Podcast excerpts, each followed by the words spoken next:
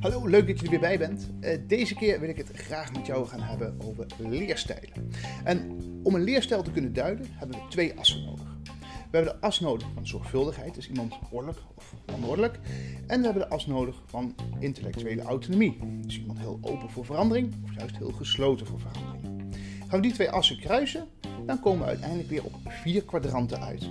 En die vier, iedere kwadrant bepaalt wat iemands leerstijlvoorkeuren zijn en hoe iemand omgaat met nieuwe dingen. We beginnen met iemand die wat wanordelijk is. Dus wat slordiger, wat impulsiever, wat, wat sneller wisselt. Maar daarnaast wel heel open is voor verandering. Die persoon noemen we de dromer. En een dromer is ontzettend goed in het verzinnen van nieuwe ideeën. Van het starten van innovatieve projecten. Nadeel bij een dromer is dat hij vaak wat meer moeite heeft om werk af te ronden. Dus ben je nou op zoek naar iemand die jou naar het volgende niveau kan brengen als het gaat om innovatie, om nieuwe ideeën? Ga dan eens kijken naar iemand die valt in het profieletje van de dromer. De echte afronden, de ideale student. Iemand die heel erg open staat voor verandering en voor nieuwe dingen, maar daarnaast heel ordelijk te werk gaat. Nou, volgens mij wil je die als leraar zijnde allemaal in de klas hebben. We noemen dat dan ook de goede student. En de goede student die is heel creatief in het bedenken van oplossingen. Maar is aan de andere kant ook ontzettend gedreven om het werk af te ronden waar hij aan gestart is. Academische titels zeggen voor de terughoudende geleerde niet zo heel veel. Een terughoudende geleerde is iemand die wat meer wanordelijk is en daarnaast gesloten is voor nieuwe ervaringen.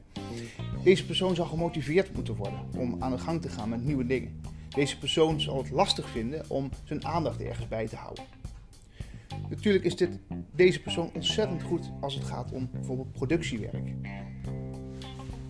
Ja, iemand die heel ordelijk is, maar daarnaast wat gesloten is voor nieuwe dingen, wil je eigenlijk als leraar best wel graag in de klas hebben, want het is de leerling volgens het boekje.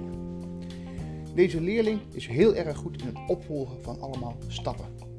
Het boek erbij pakken, doen wat daarin staat. Ze zijn heel erg gemotiveerd om dingen af te willen sluiten. Hebben heel veel behoefte aan structuur. Dus een leerboek met een duidelijke indeling in hoofdstukken. Ja, tot zover wil ik je meenemen in de leerstijlen. Het is natuurlijk belangrijk om te weten dat onder deze leerstijlen nog veel meer onderdelen zitten. Dus sta je weer niet blind op alleen deze vier kwadranten, maar kijk ook in welke mate is iemand. Dus zit iemand in het kwadrant in het midden, ja, dan zijn eigenlijk alle vier de leerstijlen wat meer van toepassing op die persoon. Kijk daarnaast ook heel goed naar de andere gedragingen. Kijk daarnaast ook heel erg naar de andere domeinen. Ik je kunt je voorstellen dat iemand die misschien een hele goede student is, hè, die dus heel erg open staat voor nieuwe dingen en heel erg ehm, zorgvuldig te werk gaat.